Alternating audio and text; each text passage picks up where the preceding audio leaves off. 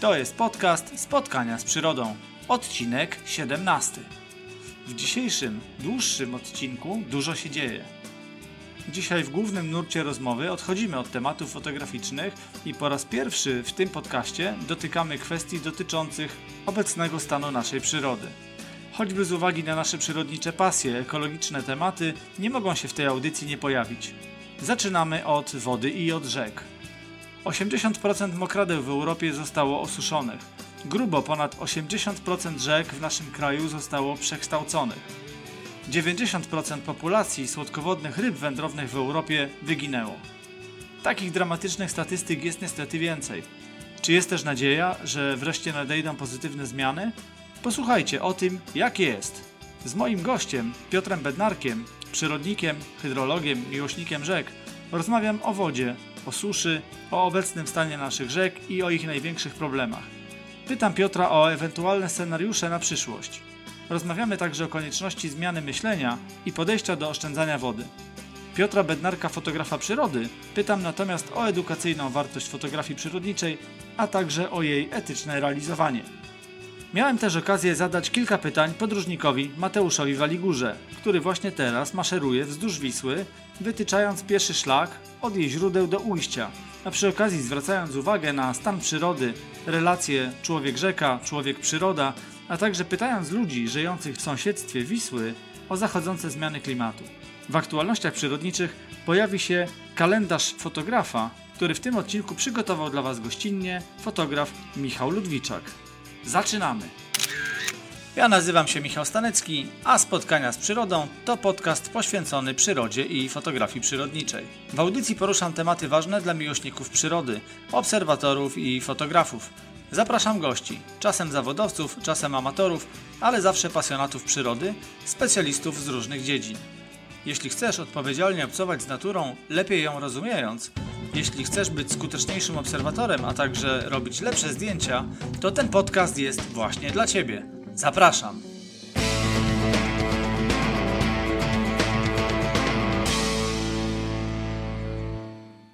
Cześć, witam Was w 17 odcinku Spotkań z Przyrodą. Zanim zaczniemy, mam dla Was ważną informację. Kilka dni temu na terenie Puszczy Białowieskiej żubr poturbował turystę. Nie znamy jeszcze dokładnych okoliczności tego zdarzenia. Niech to zdarzenie będzie jednak dla nas wszystkich przestrogą i przypomnieniem, że po przekroczeniu pewnych granic mogą ucierpieć zarówno ludzie, a w konsekwencji również zwierzęta. Jak pisze Adam Wajrak, do najczęstszych błędów ludzi w kontaktach z żubrami należy zbliżanie się do zwierząt na odległość, która powoduje ich dyskomfort. Złe jest już zbliżanie się na tyle, żeby żubry przestały się paść albo odpoczywać. Inny błąd to, cytując dalej Adama Wajraka, turyści albo fotografowie, którzy utrzymują odpowiednią odległość, ale pragną obserwować żubra z różnych stron. W rezultacie zwierzę może czuć się otoczone. Jeszcze inną kwestią może być odcięcie przez grupę obserwujących lub fotografujących drogi odejścia żubrowi. Szczególnie jest to niebezpieczne, gdy stajemy tak, aby nie mógł odejść w kierunku lasu, w którym czuje się bezpiecznie. A jeszcze gorzej, gdy przez nasze położenie spychamy go w kierunku drogi lub zabudowań. Tyle od Adama. Ja zwracam się szczególnie do fotografów. Pamiętajcie, że żadne zdjęcie nie jest warte waszego zdrowia i nie jest warte narażania zwierzęcia na stres, a być może na dużo gorsze konsekwencje w sytuacji, gdy zostanie ono uznane za agresywne czy niebezpieczne. Przypominam, najpierw natura, a dopiero potem nasze zdjęcia. Bądźcie rozważni i dawajcie przykład fotografując odpowiedzialnie. A teraz zaczynamy odcinek 17. Mamy już wrzesień. Z krótszymi dniami i znacznie chłodniejszymi nocami wchodzimy w okres jesieni, z czego ja osobiście bardzo się cieszę. Choć mijające lato nie przypiekło nas upałami i mogliśmy cieszyć się dość umiarkowaną pogodą, z całkiem niezłą porcją tak mile widzianego letniego deszczu, to jednak ja czekam na jesień. Bardzo lubię ten nostalgiczny czas, w którym po letnim odpoczynku w przyrodzie znów zaczyna się dziać. Na przełomie lata i jesieni tematów do fotografii nie brakuje. Posłuchajcie, jak to obecnie wygląda w przyrodzie. Tym razem aktualności ze świata fotografii przyrodniczej przygotował dla Was gościnnie Michał Ludwiczak. Michał jest wszechstronnym fotografem i ma bardzo dużo terenowego doświadczenia. Oto, co ma Wam do powiedzenia. Witajcie. Powoli kończy się lato i wchodzimy w czas jesieni. Zieleń traci swoją intensywność na rzecz żółci, brązów czy czerwieni. Po czasie pozornej wakacyjnej posłuchy fotografowie przyrody wracają do pracy w terenie. A co możemy teraz znaleźć ciekawego do uwiecznienia? W lasach pojawiły się grzyby, które są wdzięcznym tematem do fotografowania, bo nie uciekają i można spędzić praktycznie dowolną ilość czasu na dobieraniu odpowiedniego kadru czy wybieraniu właściwego obiektywu. Warto tu zaznaczyć, że wcale nie te jadalne, a właśnie te psie są najbardziej fotogeniczne. Można połączyć przy okazji dwie pasje fotograficzną ze zbieraniem grzybów. Innym tematem początku września są wrzosy, które można znaleźć w niektórych lasach lub na ich skrajach. Zwykle pokrywają gęstym kobiercem spore połacie. Kwiaty są fotogeniczne same w sobie, ale fajnie jest fotografowanie bogatego owadziego życia, które przez te kwiaty jest przyciągane. A jak owady, to oczywiście możliwość obserwacji, jak te ze sobą konkurują lub na siebie nawzajem polują. Jednym z moich ulubionych tematów związanych z wrzosami są rozpięte na nich pajęczyny, szczególnie o poranku, gdy wisi na nich rosa. Można wówczas wyczarować naprawdę magiczne obrazy. W tym roku jednak tematem przewodnim mojej fotografii początku września jest pewien owad, którego jeszcze nigdy nie widziałem i do niedawna można było go spotkać tylko w kilku miejscach naszego kraju.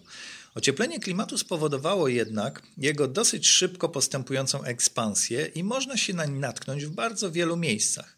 Do tej pory najczęściej widywałem zdjęcia przedstawiające modliszkę, bo to właśnie o niej mowa, w okolicznościach balkonowo-miejskich. Marzyło mi się ją spotkać i sfotografować gdzieś na łące, w terenie.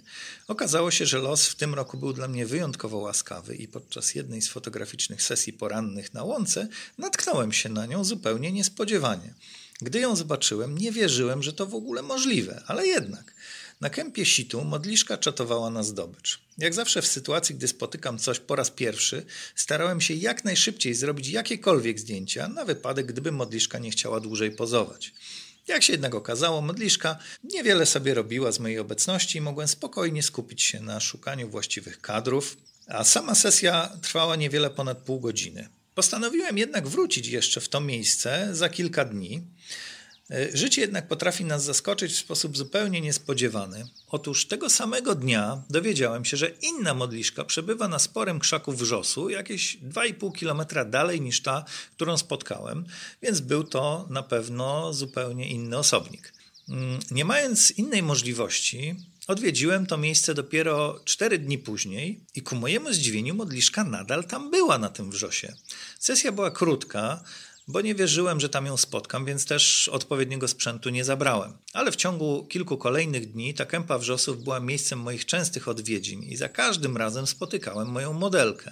Było dość czasu, żeby spróbować się z różnymi obiektywami, żeby ją sfotografować w różnym świetle, o świcie i po południu, w świetle rozproszonym i ostrym, z kadrami bardziej środowiskowymi, szerokimi oraz portretowymi. Modliszka jest na tyle dużym owadem, że nie trzeba nawet uciekać się do obiektywów makro. Można ją z dobrym skutkiem fotografować obiektywami standardowymi czy teleobiektywami. Oczywiście w tym momencie nie polecam obiektywów typu 600 mm, bo to zdecydowanie za dużo, ale coś w okolicy nawet 300 mm bardzo dobrze się sprawdzi. Sama modliszka nie jest płochliwa, w człowieku nie upatruje zagrożenia, dlatego można się do niej bardzo zbliżyć. Ja fotografowałem ją obiektywami makro o ogniskowych 180 i 90 mm oraz właśnie wspomnianym wcześniej teleobiektywem 70-300, czyli takim, który w zasadzie prawie każdy ma w swoim arsenale e, sprzętu fotograficznego. Oczywiście nie obyło się bez prób fotografowania starymi szkłami manualnymi, takimi jak Trioplan czy Oreston, co ostatnio jest e, moim dość istotnym elementem zajęcia fotograficznego. E, sama modliszka podczas czatowania raczej jest nieruchoma, dlatego przyda się Wam statyw. E, I dobrze, żeby dzień był bezwieczny, ale to taka generalna zasada fotografii e, makro, bo tylko wówczas mamy pewność, że te zdjęcia, które robimy, mają szansę być ostre. Poranki są obecnie dość chłodne, dlatego wybierając się w teren trzeba pamiętać o odpowiednim ubraniu.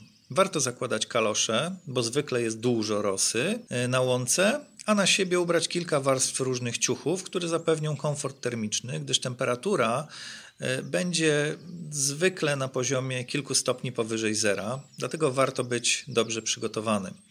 Oczywiście, zanim zdecydujemy się w teren, to trzeba sprawdzić prognozę pogody, żeby nas e, coś nie zaskoczyło. Nierzadko na łąkach i w dolinach rzek natkniemy się na mgiełki, a te wraz z drzewami rosnącymi pojedynczo i w grupach w świetle wschodzącego słońca tworzą naprawdę niesamowite krajobrazy, które również ogląda się i fotografuje z wielką przyjemnością. Warto mieć ze sobą w torbie jakiś obiektyw standardowy albo szerokokątny, bo nigdy nie wiadomo, czy przypadkiem nie natkniemy się na urokliwy pejzaż. Oczywiście możemy taki pejzaż również sfotografować teleobiektywem, ale wszystko zależy od okoliczności, od sytuacji. Wszak to, co normalnie nie jest zbyt ciekawe, może we mgle wyglądać zupełnie inaczej i nawet nas bardzo zaskoczyć tym, w jaki sposób się prezentuje. Mgła ma tę właściwość, że ukrywa często to, co nieciekawe, dlatego warto fotografować we mgle. Ale wrzesień to jednak nie tylko łąki i mgiełki. To także, a może dla niektórych przede wszystkim, przeloty ptaków wodnobłotnych i to chyba najlepszy czas w roku dla obserwacji i fotografowania ptaków siewkowych, czapli czy różnych gatunków kaczek. Można to robić na wszelkich terenach, gdzie jest woda i pojawia się płytkie błotko. Można na przykład robić to na stawach hodowlanych, e, ale idealnym miejscem jest brzeg naszego morza, gdzie o świcie można natknąć się na żerujące siewki. Szczególnie dobrym miejscem na tego rodzaju obserwacje i fotografie są okolice ujścia Wisły. Warto jednak pamiętać, że sam teren ujścia to rezerwat przyrody i bez odpowiedniego zezwolenia nie wolno nam tam wchodzić. Na szczęście ptaki nie znają granic wyznaczonych przez człowieka i możemy je oglądać także poza terenem rezerwatu, czyli w jego okolicy generalnie. Wraz z chłodniejszymi nocami i porankami powoli także rozkręca się rykowisko, dlatego możemy nad ranem usłyszeć już ryczące byki jeleni, ale o tym pewnie będzie w kolejnym raporcie z terenu. Podsumowując, tematów fotograficznych na początku września jest całkiem sporo i zarówno wielbiciele podglądania mikroświata, jak i ci, którzy wolą awifaunę czy ssaki, znajdą coś odpowiedniego dla siebie. Pamiętajcie o sprawdzaniu prognozy pogody i odpowiednim ubieraniu się, bo może być naprawdę chłodno. Powodzenia w terenie. Cześć. To była relacja z terenu Michała Ludwiczaka. W notatkach do odcinka zalinkuję do najnowszych wpisów na blogu Michała. Zresztą odnośnik do Michałowego bloga zagościł na stałe na mojej stronie głównej, czyli na michalstanecki.com. A teraz przechodzimy już do tematu odcinka. Jako fotografowie przyrody często działamy nad wodą. Zawsze atrakcyjne przyrodniczo doliny rzeczne, bagna, stawy, jeziora pełne ptaków, czy wreszcie wybrzeże Bałtyku dają nam dziesiątki fantastycznych tematów do fotografii, bo pełne są życia. Mam wrażenie, że czasem zapominamy o tym, jak ważna jest dla nas woda, która niczym krew zasila nasz świat, będąc paliwem dla wszelkiego życia. Warto wiedzieć, na czym stoimy i jaka jest dzisiaj sytuacja naszych rzek. Być może taka wiedza wpłynie na Wasze widzenie natury, być może zaczniecie też inaczej tę naturę pokazywać na swoich fotografiach, do walorów artystycznych, dokładając większą wartość dokumentacyjną, a poprzez to również edukacyjną. Mój dzisiejszy gość, Piotr Bednarek, jest przyrodnikiem. Studiował hydrologię, meteorologię i klimatologię na Uniwersytetach Gdańskim oraz Jagiellońskim. Jest aktywistą ekologicznym i obrońcą przyrody, pomysłodawcą i współzałożycielem Podkarpackiego Towarzystwa Przyrodników Wolne Rzeki. Działając również w innych organizacjach przyrodniczych, Piotr angażuje się w ochronę rzek, mokradeł, ptaków i ich siedlisk. Od pewnego czasu skutecznie nas edukuje przyrodniczo za pośrednictwem prowadzonego bloga i przede wszystkim kanału na YouTubie. Jako fotograf szczególnie podobał sobie ptaki, które stara się pokazywać w środowisku, w szerszym kontekście. Filmy na kanale Piotrka uświadamiają nam, jak krytycznie ważnym tematem jest dla nas woda, ale też, co równie ważne, w jaki sposób jako ludzie dzisiaj nią gospodarujemy. Uświadamiają nam, jak ogromny jest zasięg naszej ingerencji w środowisko. Ja sam przyznaję, że nie do końca zdawałem sobie sprawę z rozmiaru przekształceń, jakich właśnie w kontekście gospodarowania wodą dokonaliśmy przez ostatnie stulecia, a zwłaszcza dziesięciolecia. Zakładam, że jako miłośnicy przyrody musimy mieć szerszą świadomość dotyczącą tego, w jakim miejscu dzisiaj jesteśmy i jaki jest właśnie stan naszej przyrody. Często początkujący obserwatorzy czy fotografowie znają ogólniki i wiedzą, że wycina się stare puszcze, przekopuje mierzeje, czy nadal prostuje rzeki, osusza łąki. Jako obserwatorzy i fotografowie na co dzień widzimy jednak najczęściej tylko pewne fragmenty większej całości, konkretne przyrodnicze obszary, po których się poruszamy, w których przyroda ma się lepiej lub gorzej. Jeśli zaś spojrzymy na środowisko całościowo, wręcz globalnie, to dopiero wtedy uzyskujemy pełny obraz sytuacji, który może skłonić nas do głębszej refleksji. Wiedząc więcej, zaczynamy trochę inaczej patrzeć na otaczający świat. Może tak jak w poprzednim odcinku mówił Ryszard Sąsiadek, I tak jak podchodzi do tego mój dzisiejszy rozmówca, zamiast robić kolejne pięknie wykadrowane, czyste technicznie, ale też wielokrotnie powtarzalne portrety ptaków, zaczniemy pokazywać te ptaki szerzej w środowisku, w którym żyją, a przez to będziemy mogli silnie akcentować relacje człowieka z naturą, nienachalnie zwiększając ekologiczną świadomość u odbiorców naszych fotografii. Może warto spróbować takiego podejścia, niech nasze zdjęcia układają się w fotograficzną opowieść o świecie przyrody, a nie pozostają tylko pojedynczymi, podrywanymi od siebie kadrami. Zapraszam Was teraz do wysłuchania mojej rozmowy z Piotrem Bednarkiem. Cześć Piotrze. Cześć. Dziękuję, że znalazłeś e, czas. Jesteś człowiekiem zabieganym, zapracowanym, dużo się, dużo się u ciebie dzieje. Tym bardziej dziękuję, że znalazłeś e, chwilę na to, żeby porozmawiać ze mną. Zanim zaczniemy, przedstaw się proszę słuchaczom i powiedz, czym się zajmujesz. No ja się zajmuję przede wszystkim rzekami, ochroną rzek, e, edukacją o rzekach, trochę badaniem, bo wybieram się prawdopodobnie od października na doktorat na Uniwersytecie Jagiellońskim w Zakładzie Hydrologii, więc rzeki są mi najbliższe, ale ogólnie zajmuję się też ochroną przyrody, e, tak pozarzecznej, działając w różnych stowarzyszeniach. Zdarza Ci się też fotografować ptaki, ponieważ podcast jest e, o tematyce fotograficznej również, szeroko przyrodniczej, to też e, sygnalizuje, że ten jakby świat fotografii ptaków też jest Ci bliski. Tak, ostatnio coraz rzadziej ptaki mi się zdarza fotografować, ale jak mam okazję, to z przyjemnością.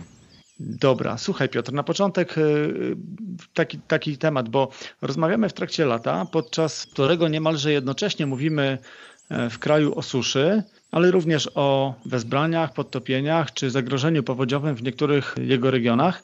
No i tak jest niemal po każdej takiej dynamicznie przechodzącej fali opadów. No i sprzyja to takiemu niezrozumieniu, jakie pojawia się no, nawet w mediach, już nie mówię o tym, że po prostu w rozmowie z, w rozmowach z ludźmi, ale nawet w mediach słyszymy jakby no, to negowanie suszy. Czy możesz, zanim spróbujesz odpowiedzieć na pytanie, jak to z tą suszą jest obecnie, powiedzieć, czym jest hydrologiczna susza? Hydrologiczna susza to od razu używać terminu takiego dość ściśle określonego, bo są no, takie, wymienia się najczęściej cztery rodzaje suszy. Pierwszy to jest susza atmosferyczna, E, drugi rolnicza lub glebowa, trzeci hydrologiczna i czwarty hydrogeologiczna. I one są tak jakby od takiego stanu najmniej trwałego, ta susza atmosferyczna, to znaczy, że po prostu nie ma opadów przez jakiś czas, nie pada deszcz czy śnieg. Ta susza rolnicza to oznacza, że brakuje wody w glebie. E, susza hydrologiczna to już się odbija na stanach wód w rzekach właśnie. I ta najbardziej długotrwała susza hydrogeologiczna to oznacza, że E, poziom wód podziemnych opadł, że on jest niższy.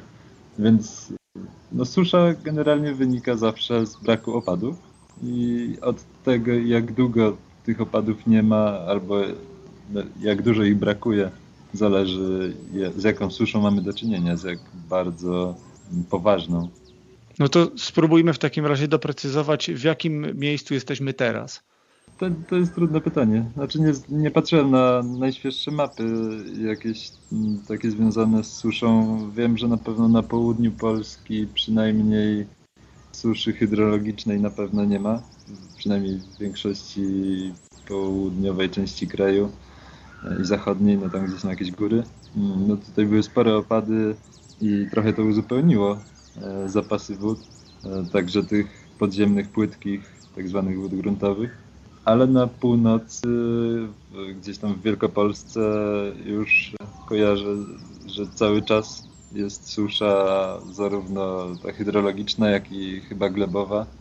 A z hydrogeologiczną suszą obawiam się, że mamy do czynienia na obszarze całego kraju, bo tych opadów nawet na południu mm, było za mało, żeby uzupełnić taki kilkuletni w sumie już deficyt w wodach podziemnych. No właśnie, bo tutaj e, można powiedzieć, że na taki obraz rzeczy no, pracujemy od kilku lat. No w sensie nie dosłownie my ludzie, ale, ale w wyniku naszych działań pośrednio natura, czyli słabe bezśnieżne zimy, bardzo niska e, skala opadów, w tym takim rozumieniu długoterminowym. I to myślę chociażby sprzyja właśnie tym nieporozumieniom, do, którym dochodzi, do których dochodzi, no bo to nie jest tak, że w e, trzy tygodnie można nadrobić te deficyty z kilku sezonów. Jasne tymi opadami to jest w ogóle ciekawa sprawa. Ostatnio się chyba w Nature ukazał artykuł na temat występowania powodzi w ostatnich 600 latach w Europie. I okazuje się, że teraz w Europie mamy jeden z dziewięciu okresów w tym czasie takich wzmożonych, e, jeśli chodzi o powodzie od kilkunastu lat.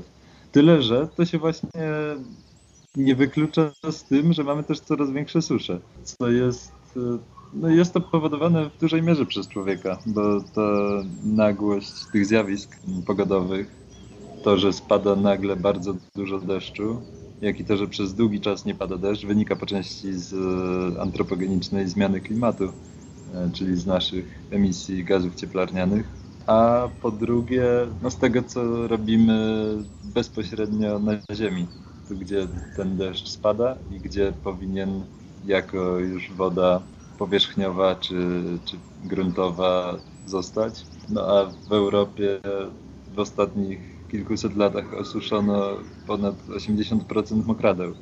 W Polsce jest podobnie. E, mokradła zostały osuszone na ogromną skalę, e, rzeki uregulowane, a problem jest widoczny szczególnie w obszarach zabudowanych, gdzie jeszcze dodatkowo mamy bardzo duże obszary, które są nieprzepuszczalne dla wody, przez co woda nie może uzupełniać zasobów wód podziemnych, a za to przy większym deszczu po tym betonie, e, po kostce bardzo, bardzo szybko spływa i generuje powodzie błyskawiczne. Więc to jest w zasadzie problem, który my sobie tworzymy coraz bardziej. To wiesz co, zanim dopytam Cię w takim razie o te działania, które my niestety czynimy od, od wielu lat, od dziesięcioleci w zasadzie można powiedzieć, i o działania, jakie powinniśmy podejmować w obliczu tego, co się dzieje, to chciałbym zapytać jeszcze z innej strony, bo są już na świecie takie miejsca, gdzie woda jest limitowana, są takie miasta chociażby. Izrael czy kraje arabskie odsalają wodę, budują za no, gigantyczne pieniądze systemy odsalania. Czy imigranci klimatyczni, wojny o wodę to są realne scenariusze na najbliższe dziesięciolecia? Myślę, że jak najbardziej. To w takim razie, co może być ważniejszego dla nas niż w tym sensie ta nasza przyszłość? Dlaczego my w Polsce nie martwimy się o wodę? No to jest mi trudno zrozumieć. Znaczy ja mam wrażenie, że to jest cały czas e, trochę dla jakichś krótkotrwałych interesów, znaczy całe zarządzanie środowiskiem przyrodniczym w Polsce.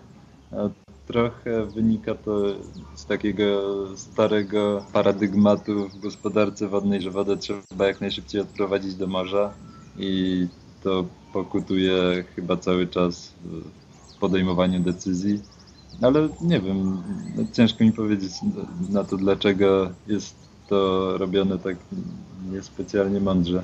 Idąc na przykład z psem do parku, patrzę sobie na naprawdę teraz w okresie letnim tłumy ludzi, którzy chodzą z małymi dziećmi, wiesz, dwójka, trójka naprawdę malutkich dzieci i myślę sobie, może przesadzam, ale chyba można panikować, myśląc o tym, co, co się może dziać w perspektywie życia tych dzieci, bo, bo tu raczej mówimy o takim, o takiej, takim dystansie, powiedzmy, jednego, no pewnie góra dwóch pokoleń i tu już się może dziać.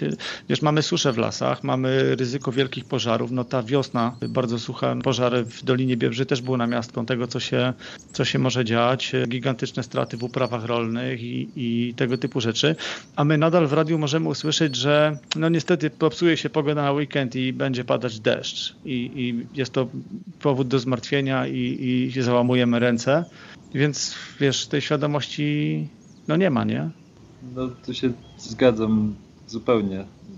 Dawno, dawno już nie byłem w szkole, więc nie wiem jak teraz wyglądają podręczniki do geografii czy przyrody, e, ale z tego co ja pamiętam za moich czasów, to już w podręcznikach od podstawówki było bardzo opisywane w sposób taki jednoznaczny, że na przykład regulacje rzek to są takie dobre, pomagają nam gospodarczo i we wszystkim. takie różne, podejrzewam, dużo jest takich małych rzeczy, e, które już nawet nie tyle nie wspominają o czymś podczas edukacji, co zupełnie zakłamują obraz. Więc to jest pewnie poważny problem. Czyli, czyli tak naprawdę można się zastanawiać nad tym, co się musi stać takiego, żebyśmy wreszcie zmienili ten e, sposób myślenia i żeby do nas dotarło, że mówimy tutaj o bardzo, o bardzo poważnych rzeczach. Niedawno rozmawiałem też z e, meteorologiem, amatorem, ale pasjonatem, który powiedział, że tak naprawdę chyba ludzie uświadomią sobie, że są problemy z wodą dopiero w momencie, kiedy ta woda przestanie im kapać z kranu, bo do, do tego momentu no to przecież problemu nie ma. No, wiesz, odkręcasz kran i, i heja, nie? Można podlać trawnik przykoszony na, na krótko i cóż, no chyba nas to nie dotyczy tak naprawdę, no to myślę, że tak, tak to działa, także co czeka nas jeszcze dużo pracy i masa edukacji, tego się nie da zmienić z dnia na dzień. To musi być proces, nie? Chyba taki, wiesz, systemowy, wielo, wielofalowy, a póki co w naszym kraju chyba nie zanosi się na takie rewolucyjne zmiany w myśleniu o przyrodzie. No, obawiam się, że nie. Znaczy, to o czym powiedziałeś, że o tym, że mamy do czynienia z kryzysem, rzeczywiście można się dowiedzieć. W wielu przypadkach się pewnie ludzie dowiedzą dopiero jak to dotknie rzeczywiście ich, e, ale to wcale jeszcze nie jest jednoznaczne z tym, e, że będą wtedy za dobrymi rozwiązaniami. Bo ja mam wrażenie, że ludziom się podoba, jak jest jakiś problem, który ich dotyczy, że władza czy jakaś tam instytucja coś z tym robi. Oni nie bardzo się już interesują co, tylko żeby to było coś robione. Świetny przykład mam, byłem wczoraj w Zakopanem na rozmowach strony społecznej z wodami polskimi odnośnie betonowania potoku Młyniska. No i tam argument jest taki, betonują ten potok, żeby nie podmyło ludziom domu. Co prawda mieszkańcy nie zgodzili się na wejście z umocnieniami brzegów ich działki i dlatego muszą wybetonować całe koryto, a że to zwiększy zagrożenie powodziowe i odprowadzi jeszcze szybciej wodę, to nad tym się zupełnie nikt nie zastanawia, ale ludzie są tam mieszkańcy, niektórzy przynajmniej zachwyceni, że w końcu coś się dzieje. Takie słyszałem zdania. Wpisuje się w to, tak jak powiedziałeś, dużo takich małych rzeczy, które są gdzieś e, zakorzenione e, głęboko w głowach ludzi. Chyba wczoraj albo przedwczoraj mignął mi też artykuł e, Staszka Ubieńskiego, który pisał właśnie o modzie na koszenie trawników, że nagle w narodzie jest taka fascynacja tą trawką na zielono, która musi być krótko przycięta. Przypomniałem sobie, że nie tak dawno też mieszkam na takim osiedlu, gdzie mieszkańcy jako społeczność komunikują się w jakiejś tam grupie facebookowej i wiele razy inicjowałem tam tematy dotyczące mm, takiej śmieciowej ignorancji i no, dyskutowaliśmy na ten temat. Zawsze zna znajdą się coś chętni do tego typu dyskusji. I pamiętam, że o ile w tych e, tematach śmieciowych no, niespecjalnie był jakiś odzew i taka powszechna chęć zmiany na, na lepsze, to w tym sezonie momentalnie pojawiły się pytania, dlaczego nie jest koszona trawa. No bo te koszenia trawy ruszyły w tym roku trochę później niż normalnie. I momentalnie podniosły się głosy, co jest grane, dlaczego nie są koszone trawniki. Więc jakby to zaczęło ludziom e, doskwierać i przeszkadzać w odróżnieniu od e, zalegających śmieci, więc to też pokazuje no, to, co się porobiło. Czy my w XXI wieku żyjemy sobie w kraju w środku Europy? Czy my umiemy gospodarować wodą? Bo jak patrzymy dzisiaj na to, co obecnie się dzieje w naszym kraju i na chociażby plany naszych władz odnośnie tego, jak, e, jak powinniśmy tą wodą zarządzać, no to można mieć tutaj pewne wątpliwości, czy przy tych wszystkich niepokojących sygnałach ostrzegawczych, które daje nam natura, czy my już zaczniemy dobrze reagować. Mówię tutaj o retencji. No, ty bardzo często na swoim kanale w filmach, które, które publikujesz, poruszasz ten temat, że ta te plany dotyczące walki z suszą no nie do końca idą w dobrą stronę w e, naszym kraju. Czym jest retencja wody? Jak ona powinna wyglądać? Ja wiem, że to są takie trudne pytania i mógłbyś pewnie mówić o tym godzinami, ale spróbuj nam króciutko naświetlić, jak to, jak to wygląda, a jak mogłoby wyglądać e, dzisiaj. No, retencja wody oznacza po prostu zatrzymanie wody. Tak najprościej mówiąc, zatrzymanie wody. No i tu już można się zastanawiać, jak zatrzymać wodę. Czy zatrzymać wodę w krajobrazie, tam gdzie ona spada, czy zatrzymać wodę w wielkich zbiornikach zaporowych, czy w mniejszych zbiornikach, czy w jakiś inny sposób. No ja mam wrażenie, że to, co się w naszym kraju odbywa i teraz się będzie odbywało pewnie z jeszcze większą siłą w ramach tego programu Stop Suszy, to są takie działania bardzo pokazowe które nie zmienią w znaczącym stopniu tego, jaka będzie susza, tylko no, pokażą, że coś się dzieje, że coś jest robione.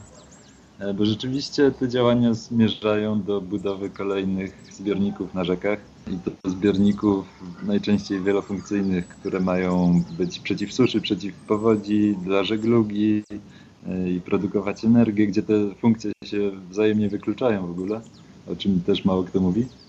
E, no bo jeśli coś ma przeciwdziałać suszy, to musi tam być gromadzona woda. Jeśli coś ma przeciwdziałać powodzi, no to tam musi nie być wody, żeby móc przejąć falę powodziową. E, więc to są takie rzeczy, o których się no, w tej dużej propagandzie nie wspomina, a te projekty będą niestety pewnie robione. Co mi się bardzo nie podoba, bo pominięty jest w tym zupełnie kontekst no, właśnie tego XXI wieku, antropocenu, wymierania. E, nie wiem, czy wiesz, ale w Europie w ciągu ostatnich 50 lat wyginęło ponad 90% ryb wędrownych, w sensie populacji ich e, tak zmalały. Jedna tak, na, znam tą dramatyczną statystykę tak, niestety. Tak, jedna na 10 ryb wędrownych jest w naszych rzekach. E, I, no dla mnie to jest zupełnie nieporozumienie, że takiego kontekstu się nie bierze pod uwagę.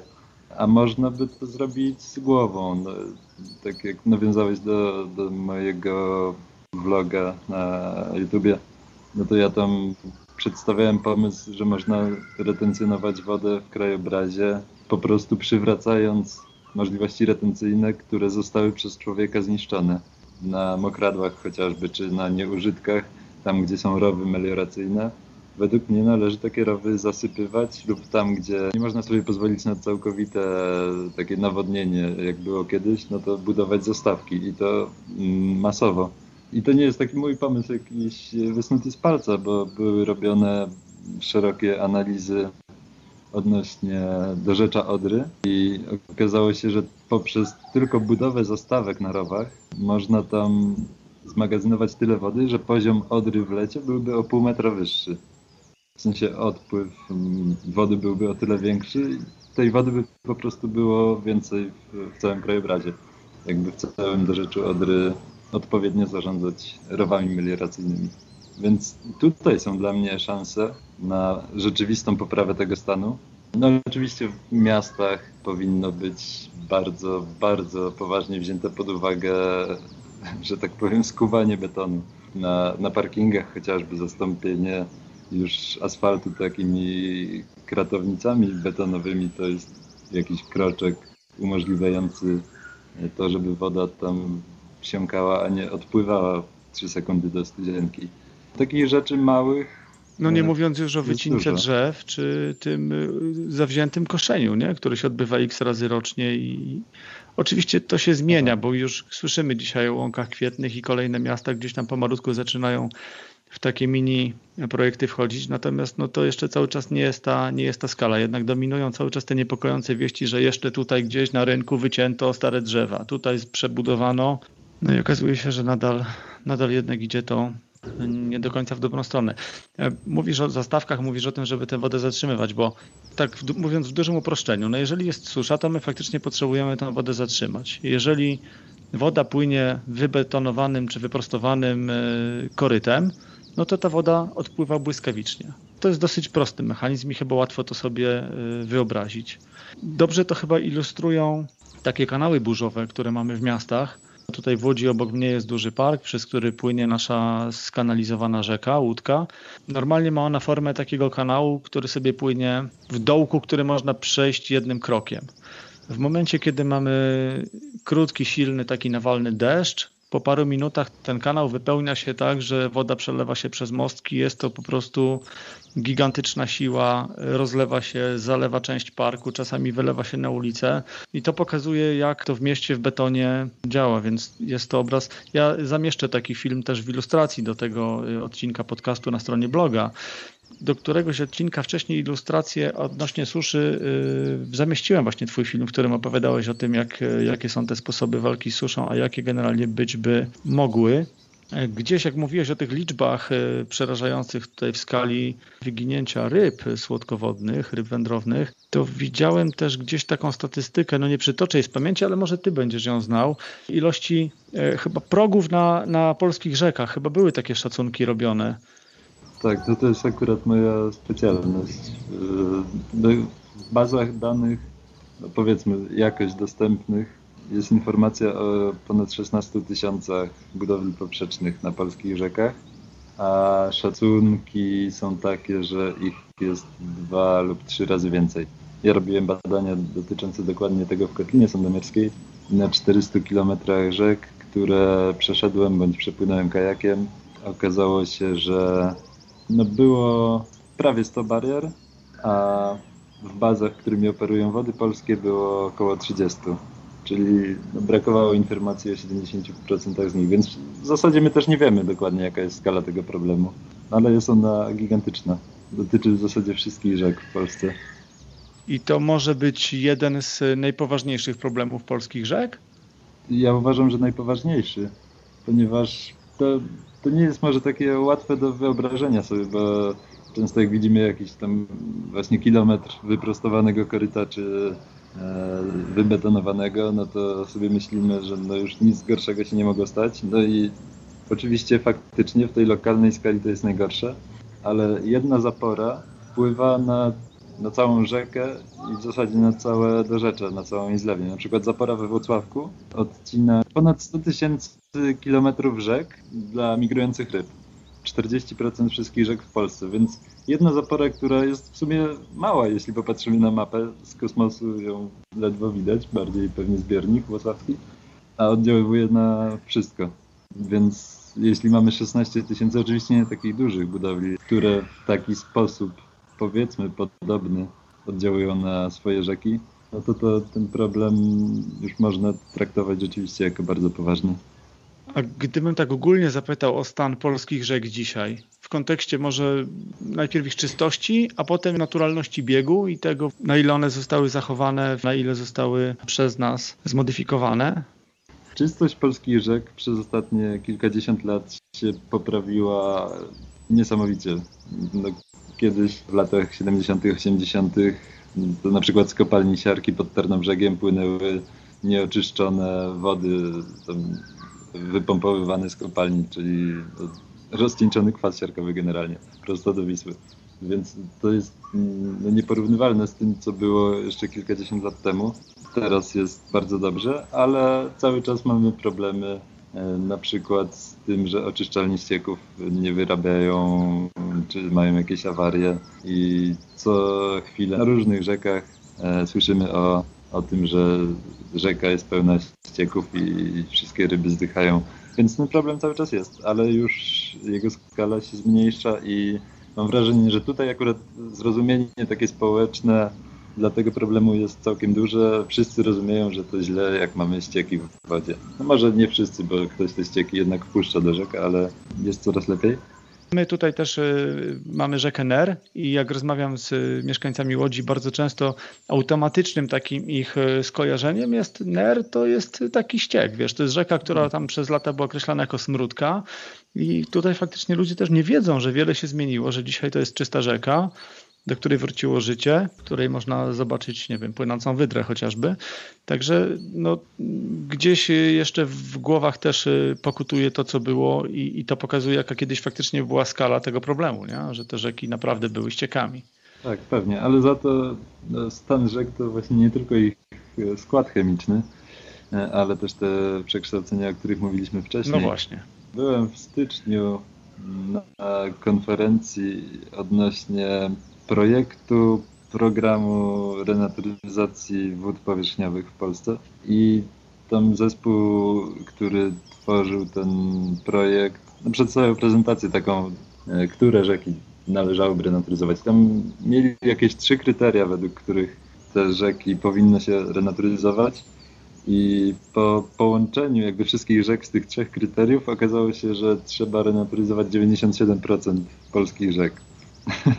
znaczy, no nie, nie, że każdy kilometr tych rzek, tylko e, jak sobie powiedzmy, że Wisła to jest jedna rzeka, San to druga, no to tak rzek 97% w Polsce jest przekształconych w jakiś sposób i wypadałoby je renaturyzować. Więc e, no, to oczywiście brzmi strasznie. Aż tak źle nie jest może, bo jednak cały czas mamy, może dużo, to za dużo powiedziane, ale mamy trochę pięknych dzikich rzek, których no myślę, że zachodnia Europa chociażby może nam zazdrościć. E, no Wisła na przykład w środkowym biegu to jest zupełny ewenement, to jest coś pięknego. E, jakby nie zapora we Wrocławku, to ona by tam żyła no, praktycznie tak jak kilkaset lat temu, bo to by nie miało już takiego dużego znaczenia, że tam dolny bieg i górny są uregulowane. Mi ciężko jest powiedzieć, jak to jest ogólnie z polskimi rzekami. Większość jest przekształconych na pewno. A to, że no jeszcze dzisiaj możemy się cieszyć chociażby Wisłą, tutaj zdaje się też zbierają się czarne chmury, bo no są takie plany przywrócenia y, żeglugi rzecznej i zdaje się, że tutaj będzie to dotyczyć Wisły i Odry. Te przekształcenia mogą być dosyć y, poważne. Więc pytanie, no na ile taka, no powiedziałbym, groźba w tym przypadku jest, y, jest realna. Tu znowu jakby wracamy do tego no, gospodarowania wodą i, pla, i planów, które no, niektórzy odnośnie tych planów, które teraz ma nasza władza, mówią wprost, że to są niczym żywcem wyjęte projekty z lat, nie wiem, 70. czy 80. gdzieś tam z szuflad z poprzedniej epoki. Jest, jest aż tak źle? Znaczy, ja myślę, że to są po prostu te projekty. E, dokładnie z PRL-u. Znaczy, to nie, to nie ma co wiesz, ukrywać.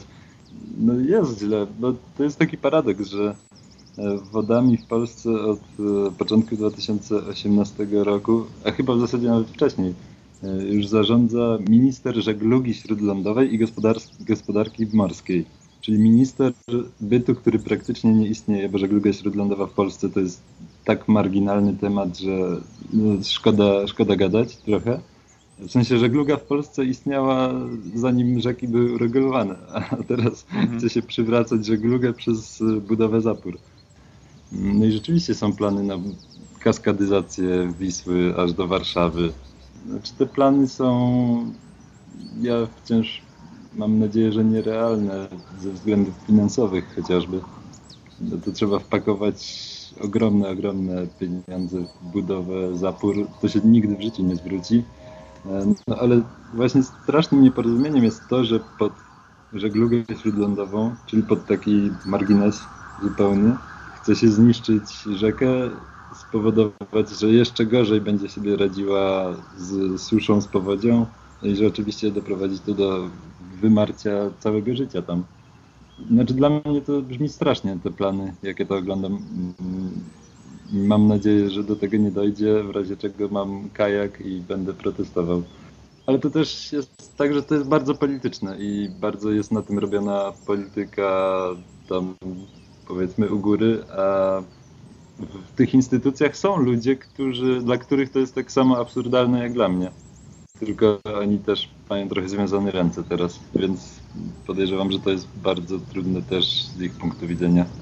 Ale wiesz, do pewnego momentu, nie to, żebym jeszcze chciał bardziej dramatyzować, ale do pewnego momentu wydawało się, że y, dyskusja o przekopaniu Mierzei no, też jest tylko grą polityczną i pewnym manifestem.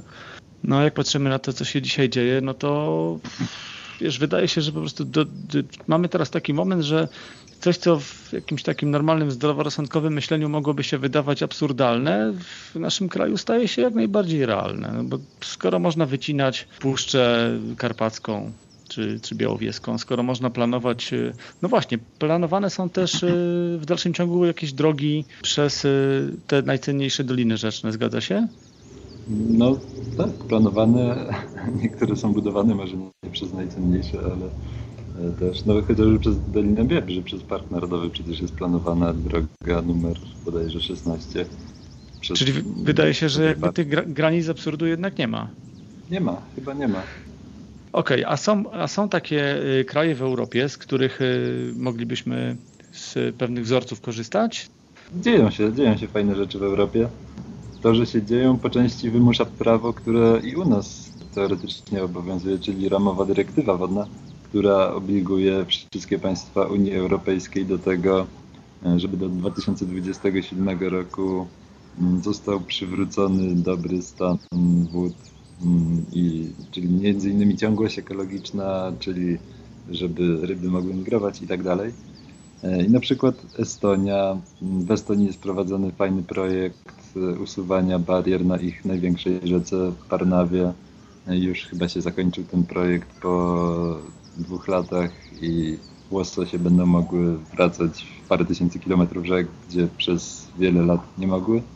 E, no ale to w sumie mała rzeka i małe bariery. No ale chociażby na podstawie ramowej dyrektywy wodnej w Hiszpanii rozbierane są zapory na rzekach. Mm, oni tak to interpretują, że muszą przywrócić ciągłość ekologiczną i tam już e, kilkaset zapór zostało rozebranych. E, gdzie Hiszpania no, nie kojarzy się jednak z krajem, który miałby jakieś ogromne zasoby wodne. No mimo to się tam dzieją takie rzeczy.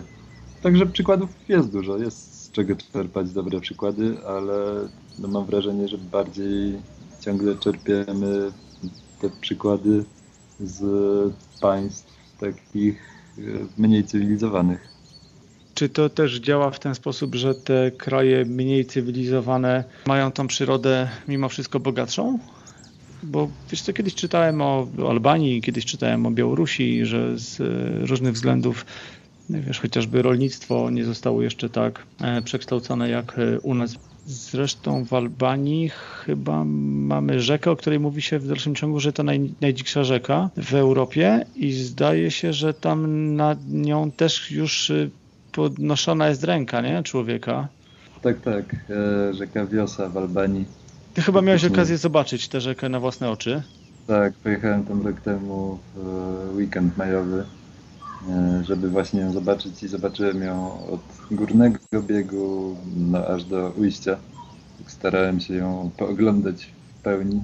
Rzeczywiście przepiękna rzeka, e, ale na Bałkanach planowana jest budowa ponad 3000 zapór i na rzece Wiosie też kilku, a w całym, a razem z dopływami chyba ponad 40, e, no co zupełnie zniszczyłoby krajobraz, tą rzekę, te w ogóle tamtejsze rzeki.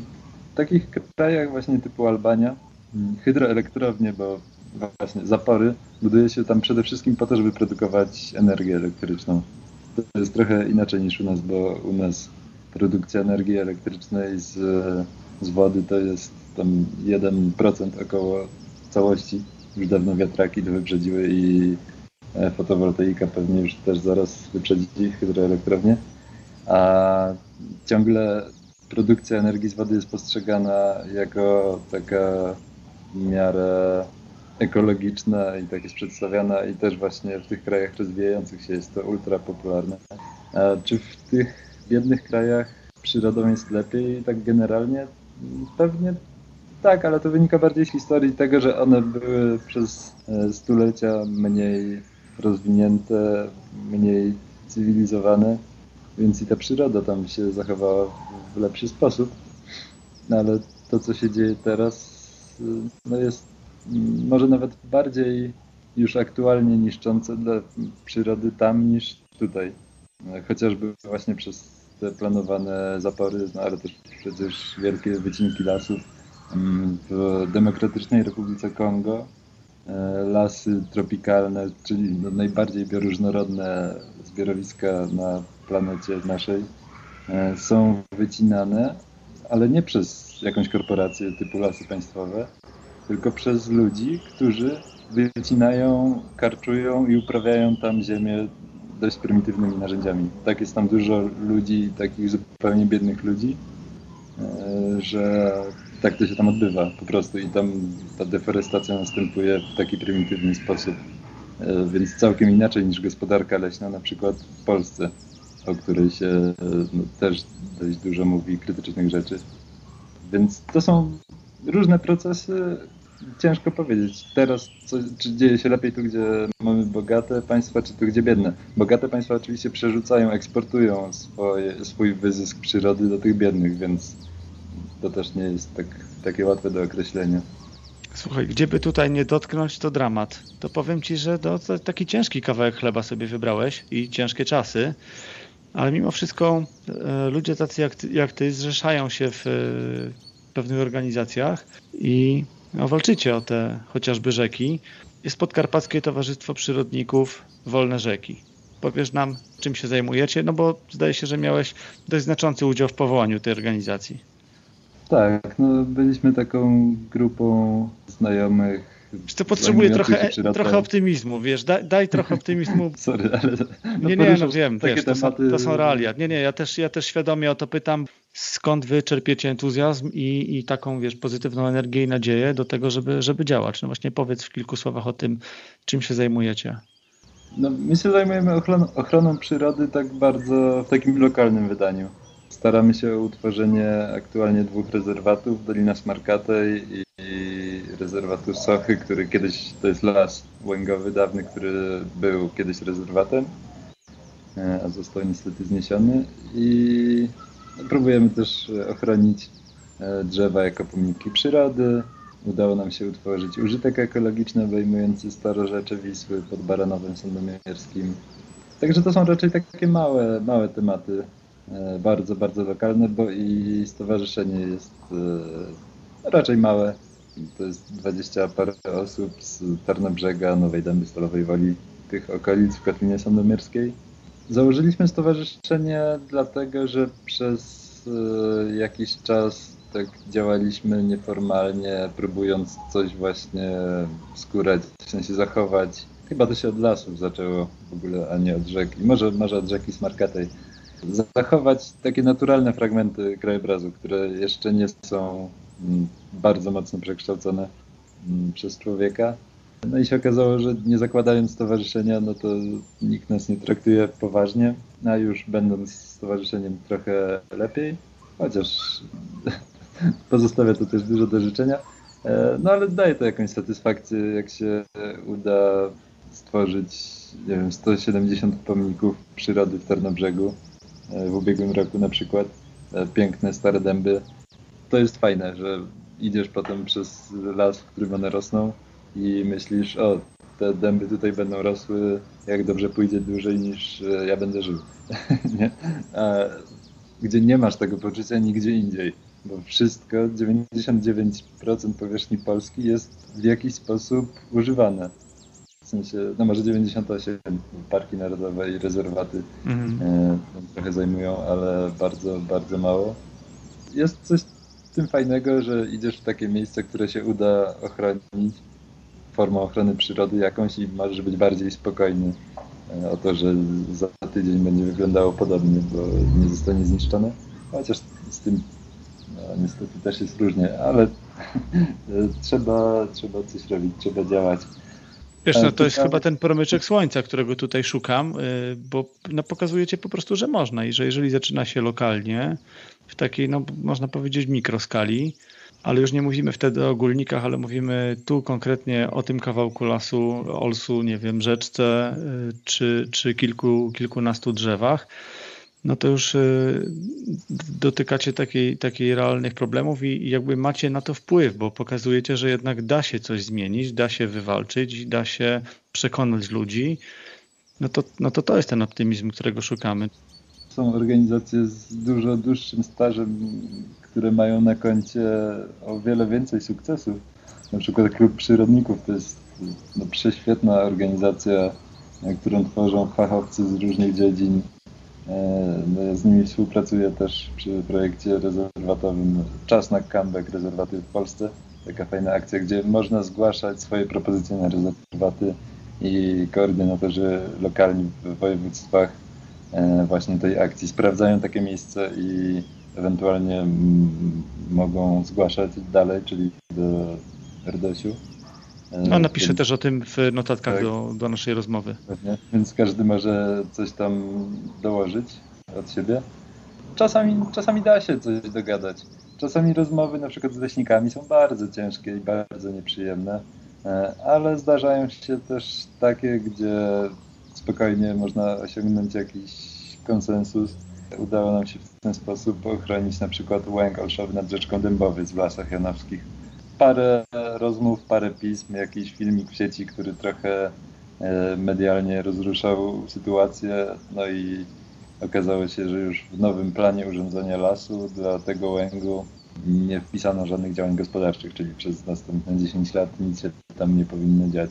Więc da się, tylko trzeba rzeczywiście skupić się na czymś konkretnym, co się najlepiej na czymś, co się zna samemu i pisać pisma, dzwonić, rozmawiać. jest, jest szansa, żeby to zmienić na lepsze. Są też e, te większe organizacje, bo WWF ma ten projekt Strażnicy Rzek. Kim są Strażnicy Rzek? Czym się zajmują? No, sama nazwa wskazuje, ale chciałbym, żebyś powiedział po prostu, jak to się odbywa. Kto może być takim strażnikiem rzek i na czym to polega? Strażnicy Rzek WWF to jest projekt taki dla wolontariuszy generalnie. Mhm. E, każdy może być strażnikiem rzek, strażnikiem swojej rzeki. E, założenia tego projektu się trochę, trochę zmieniają w czasie, bo najpierw to miało polegać na monitorowaniu rzeczywiście wybranego przez siebie odcinka jakiejś swojej rzeki. Hmm, teraz trochę bardziej to będzie szło w stronę też właśnie szukania, mapowania tych barier w rzekach i robienia czegoś e, w związku z tym. E, no ja akurat w WWF-ie też pracuję przy tym projekcie i tutaj na, w Małopolsce i na Podkarpaciu wchodzimy powoli w dwa takie projekty związane z rzekami Tanew i e, na, na Podkarpaciu Lubelszczyźnie i z rzeką Cedron dopływem z Kawinki w Małopolsce. Chcielibyśmy na tych rzekach usuwać bariery dla migracji ryb. Strażnicy rzek się zajmują takimi interwencyjnymi rzeczami, typu właśnie jest jakaś rzeka regulowana i, i jaki jest akurat ktoś z okolicy, no to fajnie, bo może się tym zająć, w sensie może udokumentować, co, co tam się dzieje, e, nagłośnić sprawę, rozmawiać z ludźmi. Mm, I to jest, no da się w ten sposób mniej więcej w całej Polsce operować przy niewielkich kosztach, bo w tym e, rzecznym zespole WWF-u pracuje parę osób normalnie na etacie, a wolontariuszy jest ponad 300. Więc y, to jest jakieś takie fajne przełożenie, że może to działać.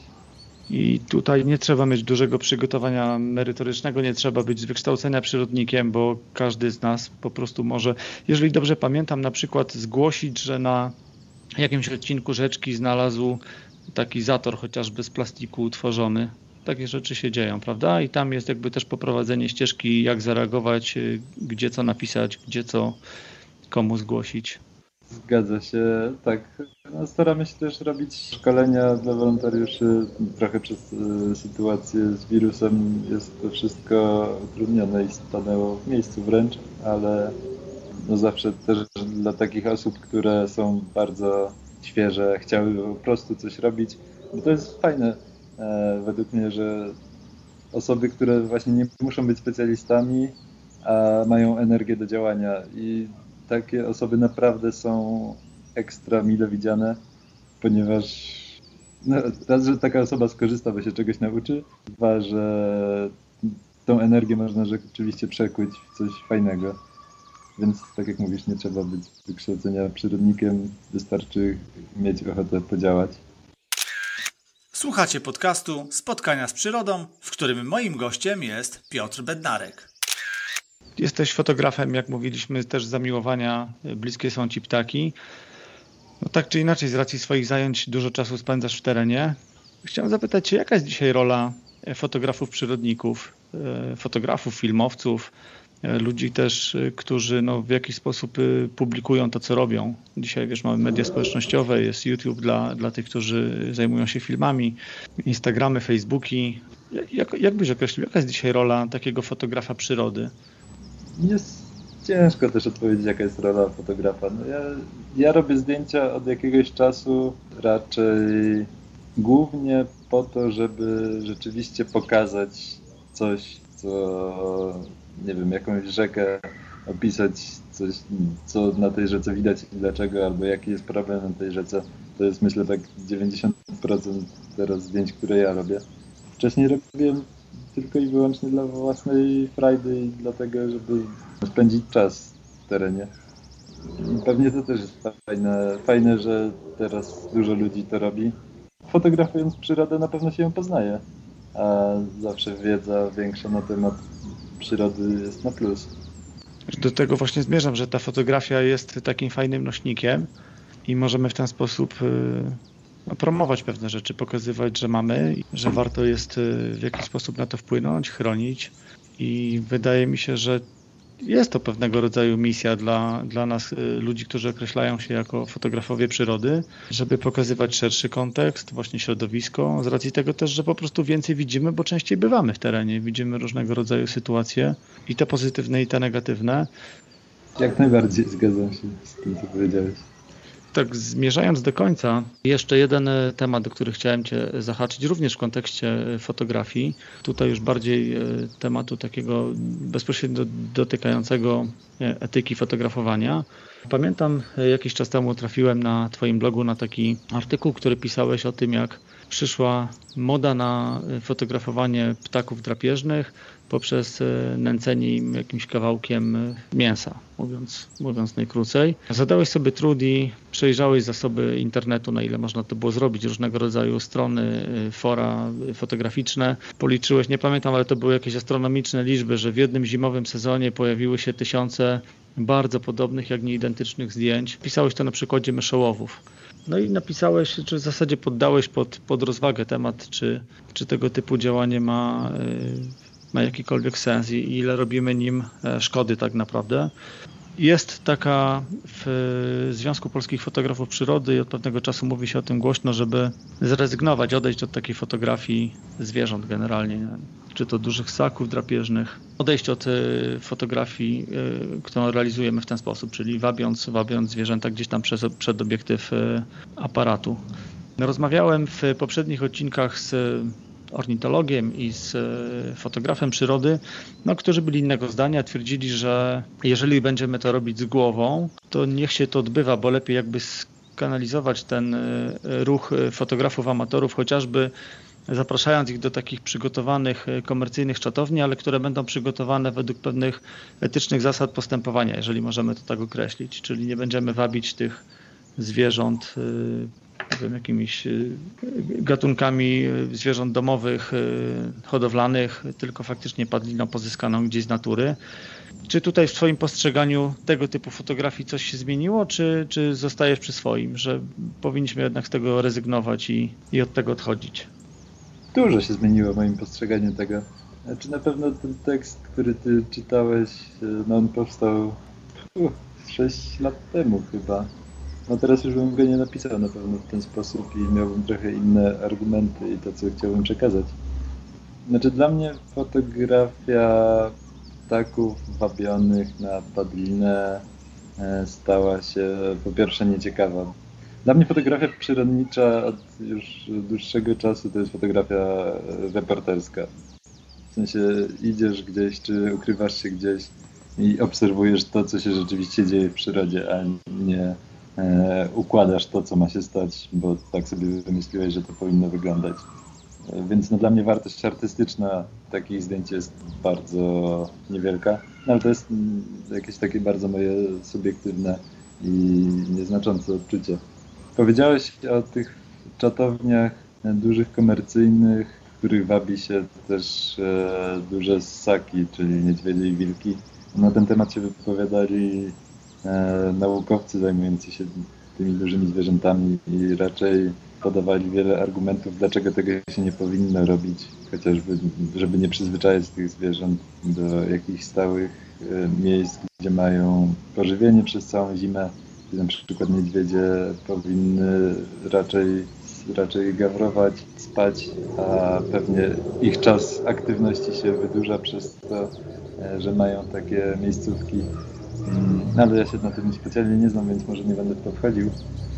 No, ciekawi mnie to, co, to, co usłyszałem, że pod tymi czatowniami by było wykładane mięso tylko z, ze znalezionej gdzieś padliny.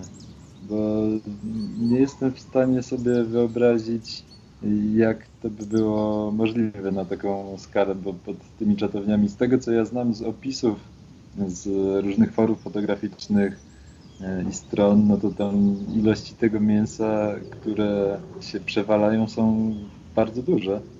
I ciężko mi sobie wyobrazić, żeby ktoś miał taki stały dopływ e, padliny z podtrąconych zwierząt pod czatownię, no ale być może da się to zorganizować i wtedy ten największy problem, który ja aktualnie z tym mam, odpada.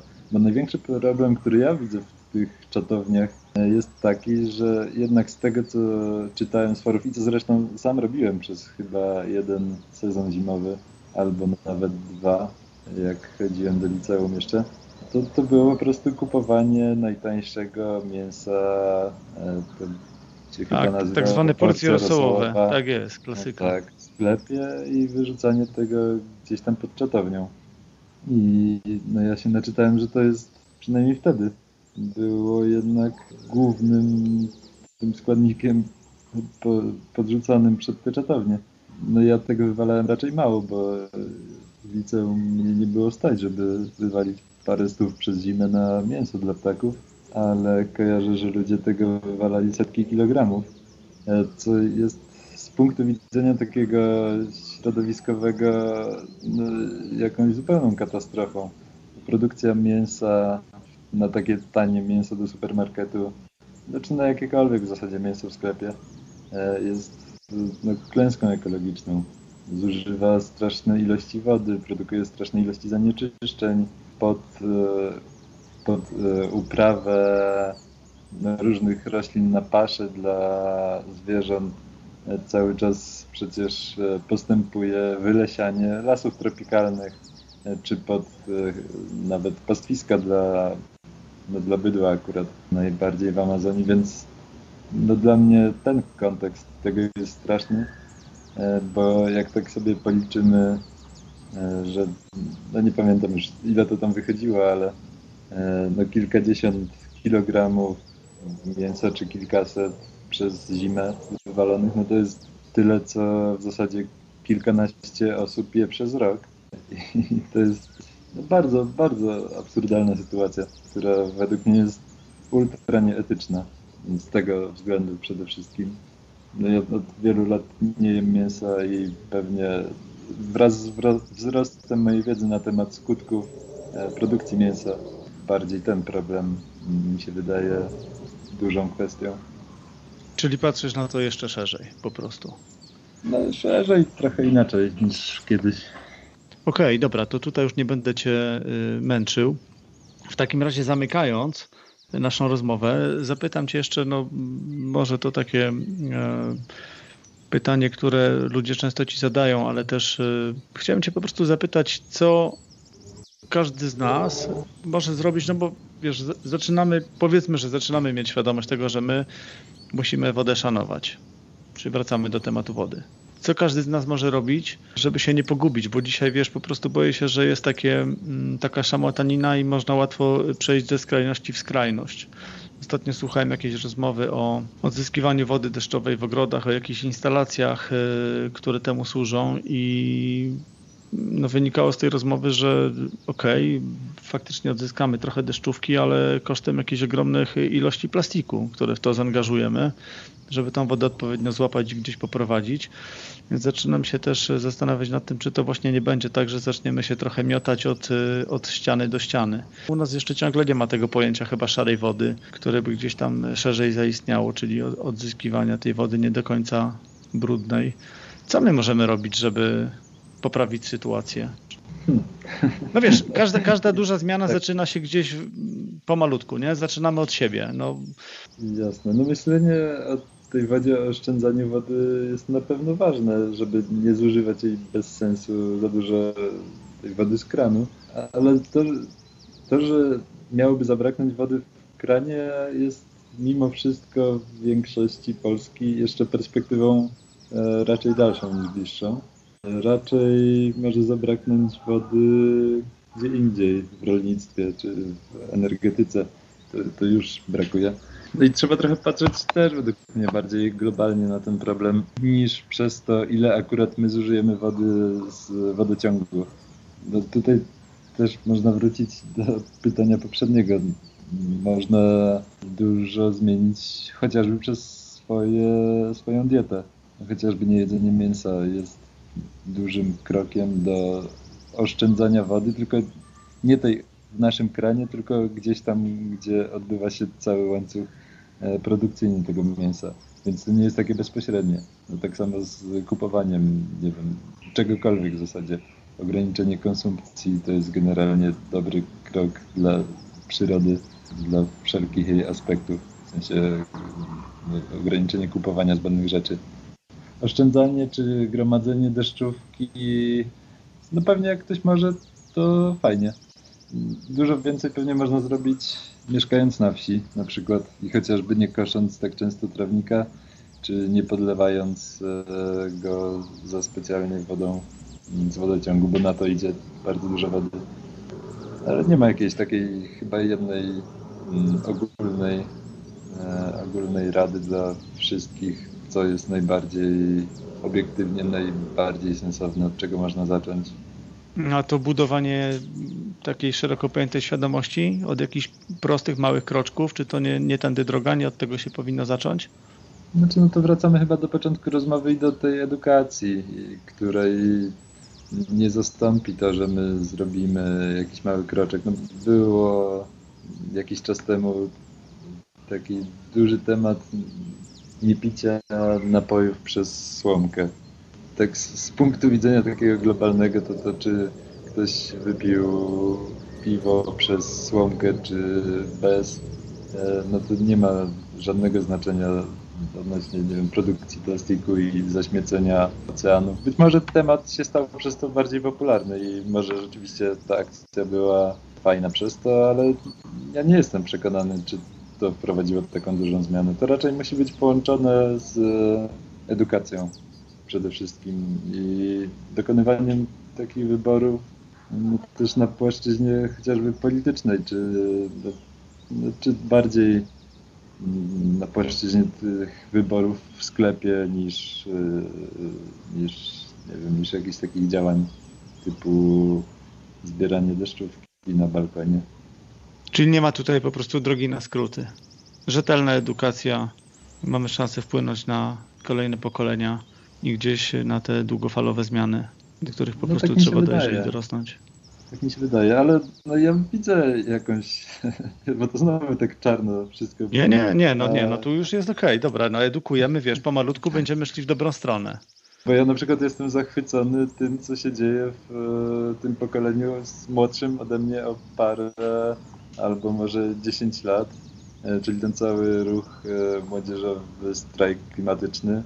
Zdarzyło mi się być chyba na dwóch takich w Krakowie marszach E, tego strajku klimatycznego, gdzie tam było po spokojnie ponad tysiąc osób, to jest dla mnie takie wow, bo w moim wieku no naprawdę ja nie, ja nie znam poza ludźmi, którzy rzeczywiście studiują biologię e, albo geografię i fotografami jakimiś pojedynczymi, e, ludzi, którzy by się angażowali w cokolwiek związanego z ochroną przyrody, w sensie w wieku 25 lat.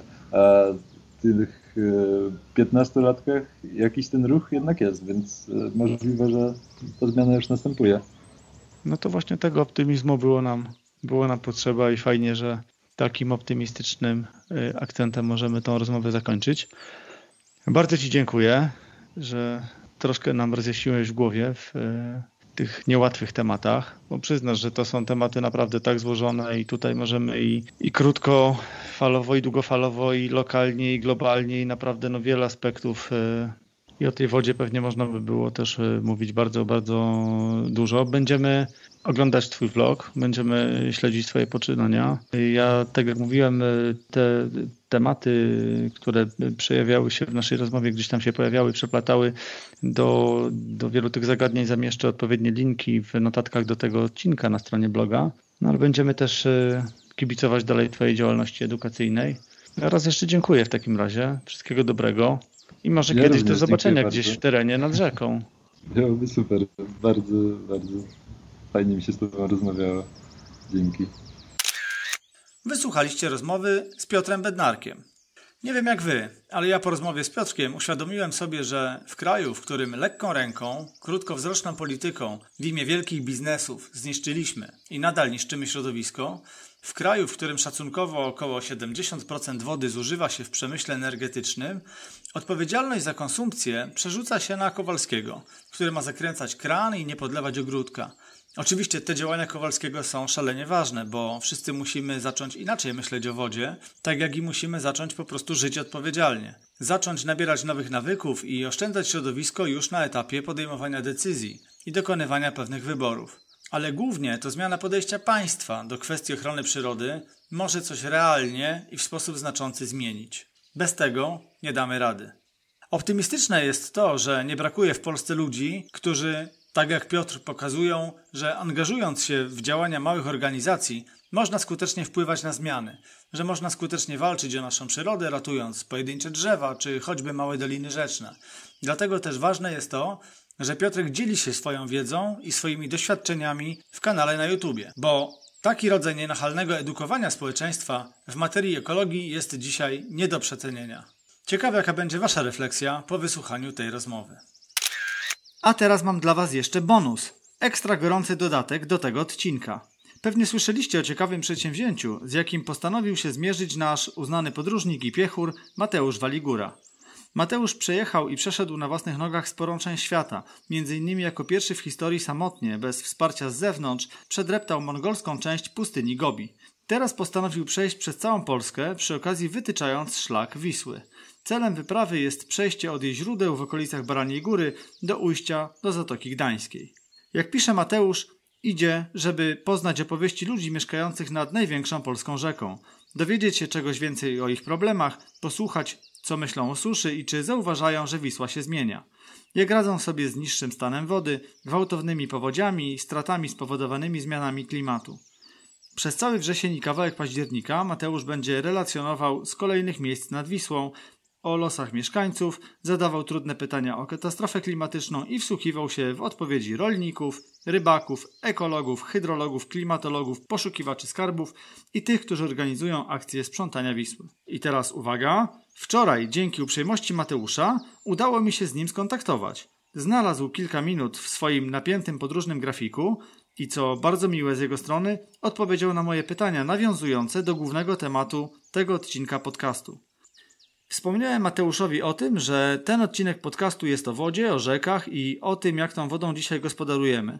Zapytałem, co skłoniło go do ruszenia właśnie wzdłuż Wisły i tym samym do podjęcia tematu wody, rzeki i zmian klimatu. Oto co powiedział Mateusz. Kiedy na początku marca zostaliśmy uwięzieni w domach przez pandemię i zalecenia rządu, ja zrozumiałem, że nie wyruszę w podróż, którą miałem zaplanowaną na, na ten rok. Chciałem przejść Australię przez jej środek. Mm, I aby odreagować te wszystkie złe myśli i pogodzić się z tym, że mm, nie wyruszę na wyprawę, do której przygotowywałem się od ponad dwóch lat, mm, szukałem ukojenia w marszu, bo marsz zawsze pozwala mi zebrać myśli. I, i ruszałem nad rzekę, która znajduje się nieopodal mojego domu. Ten odcinek y, tej rzeki liczy około 18 km, natomiast ja wieczorami yy, dreptałem w te i we w te i wydaje mi się, że na przestrzeni kilku ostatnich miesięcy wychodziłem tam około 1000 km. I kiedy zrozumiałem, że w ogóle mi się to nie nudzi, chodzenie w tej z powrotem yy, i obserwowanie tak, tak małej rzeki, to jak wielką przygodą może być marsz wzdłuż najdłuższej rzeki w Polsce, wzdłuż Wisły. Wtedy też y, zwróciłem uwagę na to, że nie ma w Polsce długodystansowego szlaku pieszego, który łączyłby morze z górami.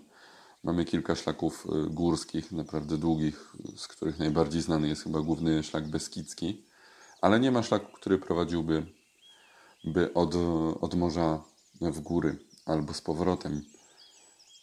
Moje wyprawy zawsze związane były z wodą, ale raczej jej brakiem, bo przemierzałem głównie pustynię.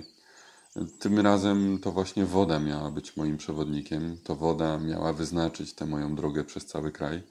I Wisła wydała mi się przewodnikiem idealnym, bo płynie przez miejsca istotne mm, dla kraju, w którym żyjemy.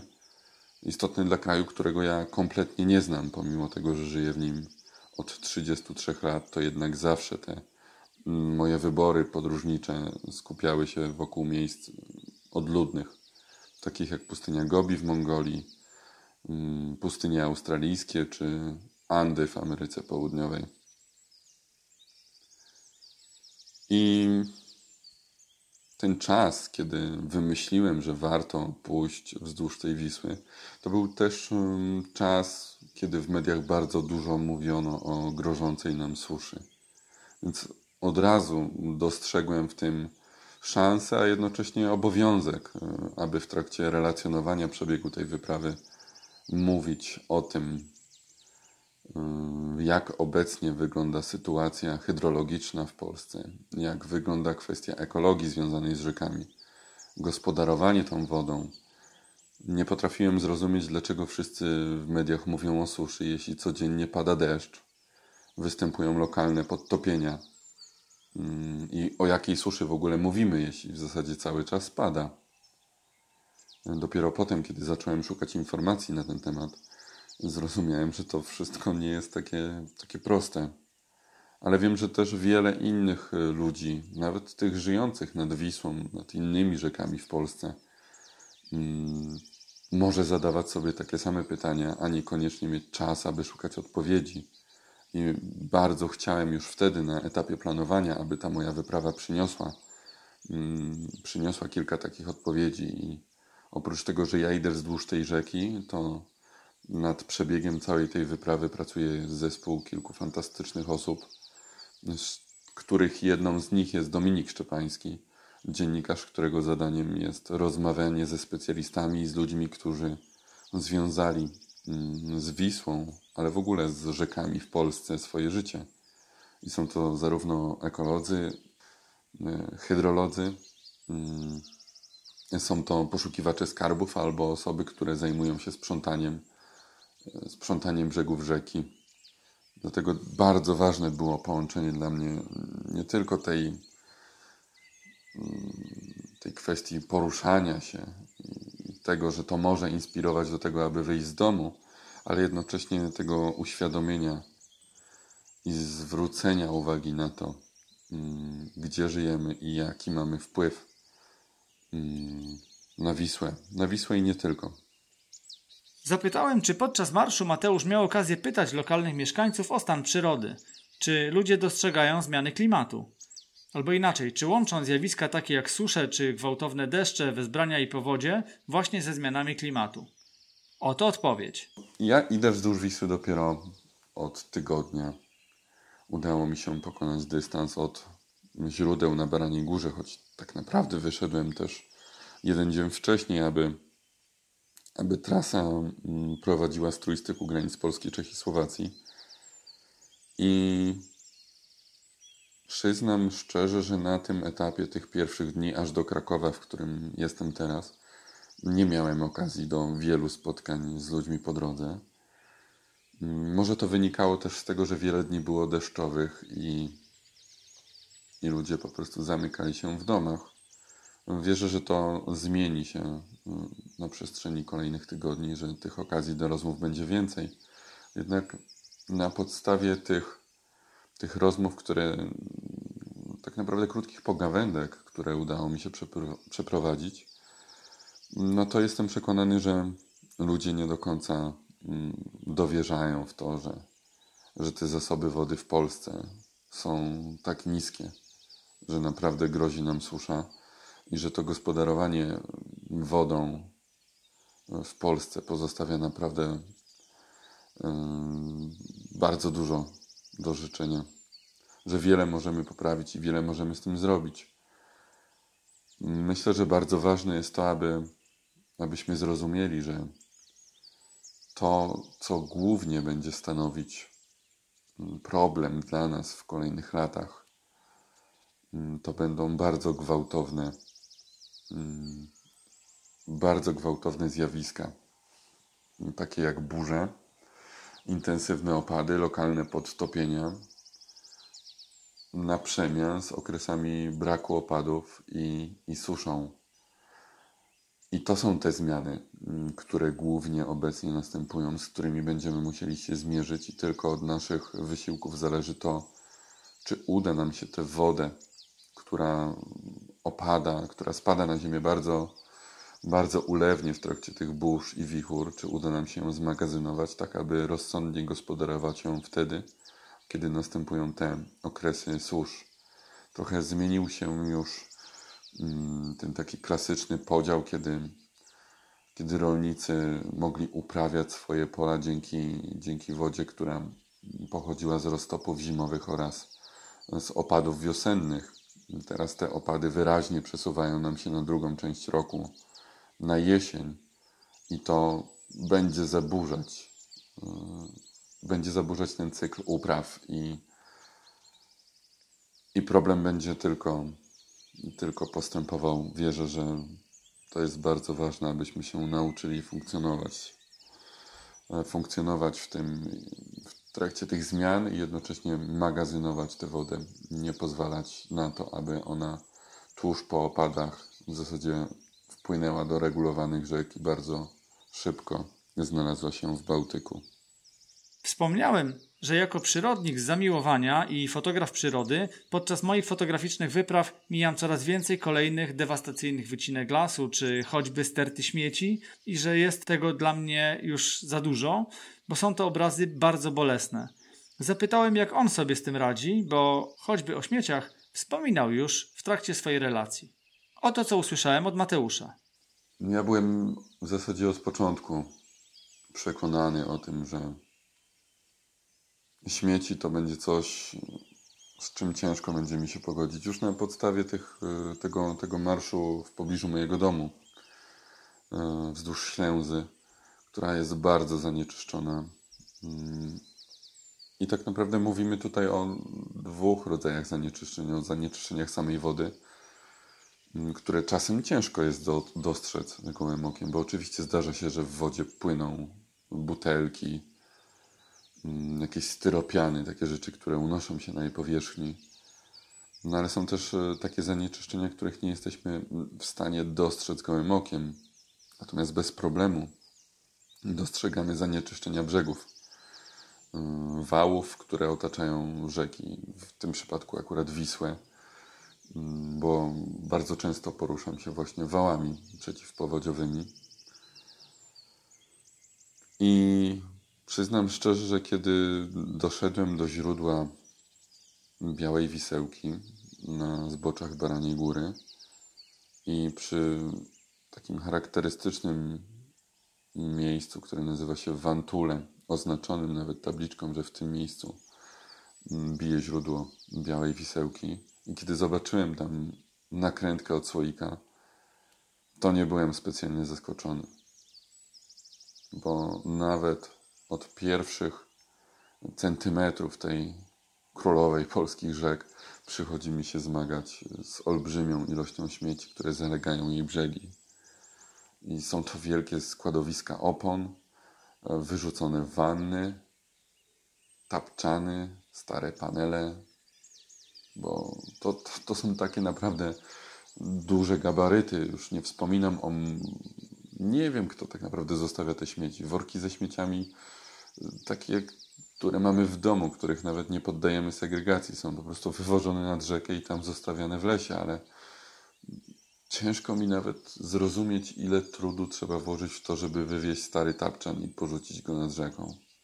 Albo starą wannę i nie potrafię zrozumieć tego, dlaczego ktoś w ogóle mógł o czymś takim pomyśleć, a następnie włożyć tyle trudu, żeby wywieźć to po prostu nad rzekę. Mm, szczególnie składowiska starych opon. To jest jakaś plaga. Jestem pewien, że tego nie robi ktoś, kto ma swój prywatny samochód. Kto? Ciężko wskazać, ale, ale liczę na to, że kiedyś uda mi się przyłapać kogoś takiego na gorącym uczynku w trakcie tego mojego marszu i zapytać go, dlaczego to robi. Próbować zrozumieć, bo nawet kiedy próbuję. Mm, logicznie to sobie wytłumaczyć, to na myśl nie przychodzi mi żadne, żaden rozsądny powód, dlaczego ktokolwiek wywozi wielkie śmieci i porzuca je w lesie nad rzeką. Nie wiem, z czego to wynika, i tak naprawdę wydaje mi się, że bez znalezienia odpowiedzi na to, na to pytanie ciężko będzie pracować nad, tą meta, nad mentalnością ludzi, aby do takich sytuacji nie dochodziło. Na koniec zapytałem o pozytywy. Czy po tygodniu tej refleksyjnej wędrówki, refleksyjnej również z uwagi na deszczową pogodę u schyłku lata, czy znajduje powody do optymizmu? Spytałem właśnie o to w kontekście przyrody. Ja zawsze byłem taką osobą, która kiedy widziała w ankietach trzy możliwe odpowiedzi. Pierwsza to tak, druga to nie, trzecia to nie mam zdania. Uśmiechałem się pod nosem, uważając, że jak można nie mieć zdania na jakiś temat. I ruszając w podróż wzdłuż Wisły, bardzo starałem się nie mieć żadnych oczekiwań, nie mieć wyrobionego zdania, po prostu pójść, zobaczyć to wszystko na własne oczy i dopiero wtedy próbować próbować to w sobie przetrawić i, i dojść do jakichś wniosków. No, tydzień marszu i 200 mm, pokonanych kilometrów w kontekście tysiąca, które jeszcze pozostały, to jest chyba trochę zbyt szybko, żeby wyciągać jakieś wnioski, a już na pewno, aby dzielić się tymi wnioskami z innymi. Jednak y, są miejsca, które są bardzo zaśmiecone. I rzeczywiście to jest ten czas, kiedy chciałbym po prostu odwrócić wzrok i udawać, że problemu nie ma. Tylko ten problem jest i im dłużej będziemy od niego wzrok odwracać, tym trudniej będzie nam się z nim zmierzyć. Ale są też miejsca naprawdę piękne. I, I, nie mówię tutaj tylko o takich miejscach, o które się dba, dlatego że stanowią jakąś ikonę już miejsce tak rozpoznawalne i tak ważne, że, że wszędzie możemy znaleźć tabliczki nie śmiecić. Mm, jak na przykład opactwo benedyktynów w Tyńcu. Chociaż nawet tam, po drugiej stronie rzeki, mm, miałem pełne worki wypełnione butelkami plastikowymi porzucone nad rzeką. Mm, ale jednocześnie były takie, takie miejsca, na przykład wzdłuż wiślanej trasy rowerowej poprowadzonej na odcinku między Oświęcimiem a Krakowem, e, wzdłuż też tej budowanej przez wiele lat e, drogi wodnej Górnej Wisły. I może to wynikało z tego, że, że poruszałem się tym wałem i nie znajdowałem się w bezpośredniej e, okolicy rzeki, która w tych miejscach dosyć mocno meandruje, tylko od, od samej rzeki, od jej nurtu dzieliły mnie łąki przeznaczone na mm, tereny zalewowe w momencie, kiedy ta Wisła zaczyna wylewać. To może tych śmieci widziałem mniej, ale tam faktycznie było, było naprawdę bardzo pięknie i, i wierzę, że tak będzie już do końca. Że będą miejsca mm, przepiękne, zadbane, ale też miejsca okrutnie zapuszczone, o których może nie pamiętamy, bo bo nie piszą o nich w przewodnikach. Y, nie poleca się jako atrakcji turystycznych. No ale to jest chyba też chyba największe błogosławieństwo tej mojej drogi y, i tego, że poruszam się pieszo. Tak naprawdę chłonę każdy centymetr, niczego nie pomijam, więc będę miał okazję doświadczyć tego, tego fantastycznego piękna Wisły i jej okolic, ale też tego okrutnego zaniedbania, którego dopuszczamy się na rzece, na Wiśle i nie tylko na Wiśle. Ja wierzę, że, że Wisła jest e, taką osią, która łączy nas wszystkich. Samo, samo do rzeczy Wisły zajmuje niemal połowę Polski. Mm, I zadziwiające jest to, że to, co zrobią mieszkańcy Krakowa, będzie miało wpływ na mieszkańców Warszawy, mieszkańców Torunia. I dalej, pomimo tego, iż żyją, żyją te setki, setki kilometrów od siebie, to mają też na siebie bezpośredni wpływ, bo łączy ich ta sama rzeka. I to chyba nie jest przypadek, że wszyscy Polacy, nawet ci żyjący w zachodniej części kraju, mówimy o sobie, że jesteśmy mieszkańcami kraju nad Wisłą i wszyscy jesteśmy za tę rzekę odpowiedzialni. I bardzo chciałbym, aby to, w jaki sposób Wisła wpływała na współczesny wygląd Polski przez mm, ostatnie kilkaset lat, miało też wpływ na nas teraz, w naszym codziennym postępowaniu, w codziennych wyborach. I i tym, w jaki sposób my na co dzień wpływamy na to, jak ta Wisła będzie wyglądać, już nawet nie w trakcie kolejnych kilkuset lat, ale w najbliższej przyszłości. Tyle od Mateusza, któremu raz jeszcze dziękuję. Życzę Ci, Mateuszu, dobrej drogi i pozdrawiam cały zespół, który towarzyszy Ci w realizacji tego arcyciekawego pomysłu. Was, drodzy słuchacze, gorąco zachęcam do kibicowania Mateuszowi i śledzenia na bieżąco refleksyjnych wpisów na jego Facebooku. Usłyszałem gdzieś niedawno cytat z profesora Krzysztofa Skóry, wybitnego biologa i oceanografa, który mówił, że ochrona przyrody nie jest dzisiaj kwestią techniczną, jest już wyłącznie kwestią kulturową. Tą myślą zamykam tę część odcinka. Do tego odcinka jest sporo notatek. Zamieszczam je wszystkie na stronie michalstanecki.com ukośnik 017. Są to m.in. odnośniki do osób i treści, które się dzisiaj pojawiły. Są to m.in. blog i kanał YouTube'owy Piotra Bednarka, strony organizacji takich jak Wolne Rzeki, Ratujmy Rzeki, Strażnicy Rzek WWF i Klubu Przyrodnika, powiązany z dzisiejszym tematem artykuł Stanisława Ubieńskiego Długi cień Melioranta. Linkuję do strony i relacji Mateusza Waligury z marszu wzdłuż Wisły. Odsyłam Was również do zdjęć Michała Ludwiczaka. I na tym kończymy dzisiejszy odcinek. Tradycyjnie zachęcam Was do pisania komentarzy, w których możecie odnieść się do treści poszczególnych odcinków, zadawać pytania, podsuwać pomysły na kolejne tematy, czy po prostu wyrażać swoje opinie na temat mojego podcastu. Dziękuję Wam za wysłuchanie tego odcinka. Naturalnie usłyszymy się już wkrótce. Jeśli podoba Wam się mój podcast, to możecie go polubić w źródłach, z których go słuchacie. Możecie go subskrybować albo udostępniać swoim znajomym. Takie działania to dla mnie nagroda za wykonaną pracę, możliwość pozyskania nowych słuchaczy, a dla podcastu dodatkowa promocja. Dziękuję Wam za słuchanie kolejnych odcinków.